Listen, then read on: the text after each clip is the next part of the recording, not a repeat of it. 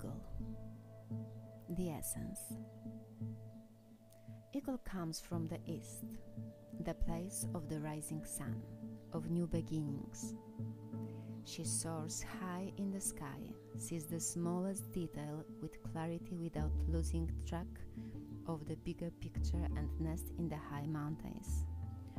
For Eagle, there are no obstacles, only opportunities. She calls you to ascend, to acquire perspective, so you can fly wing to wing with great spirit. The invitation. Have you become trapped in your daily routine and feel you do not know where to go and what to do next? Have you lost your sense of purpose? Eagle invites you to take a deep breath and spread your wings. When was the last time you opened them? Eagle reminds you that your spirit was born to soar to the heavens. As you contemplate choices, ask yourself Do I want to live in a chicken cup, sheltered from life, counting the regular feedings? Or do I want to soar like an eagle?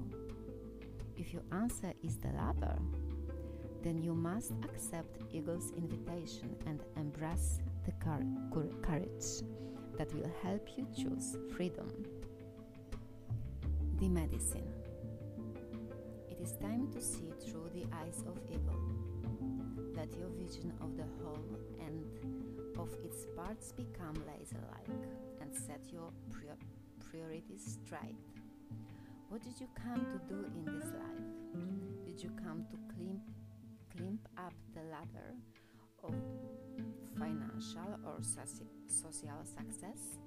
Did you come to become a better person, to heal your hurt, and to realize your essential self? What is your divine mission here on earth? No more excuses. Of course, you do not have enough time, enough money, or enough sleep. Yet the time is now to fly to your chosen purpose. If you postpone it, you are betraying yourself. Look through the eyes of eagle and consider every obstacle and opportunity. Where you set your intention is where you will end up. Free yourself and live your highest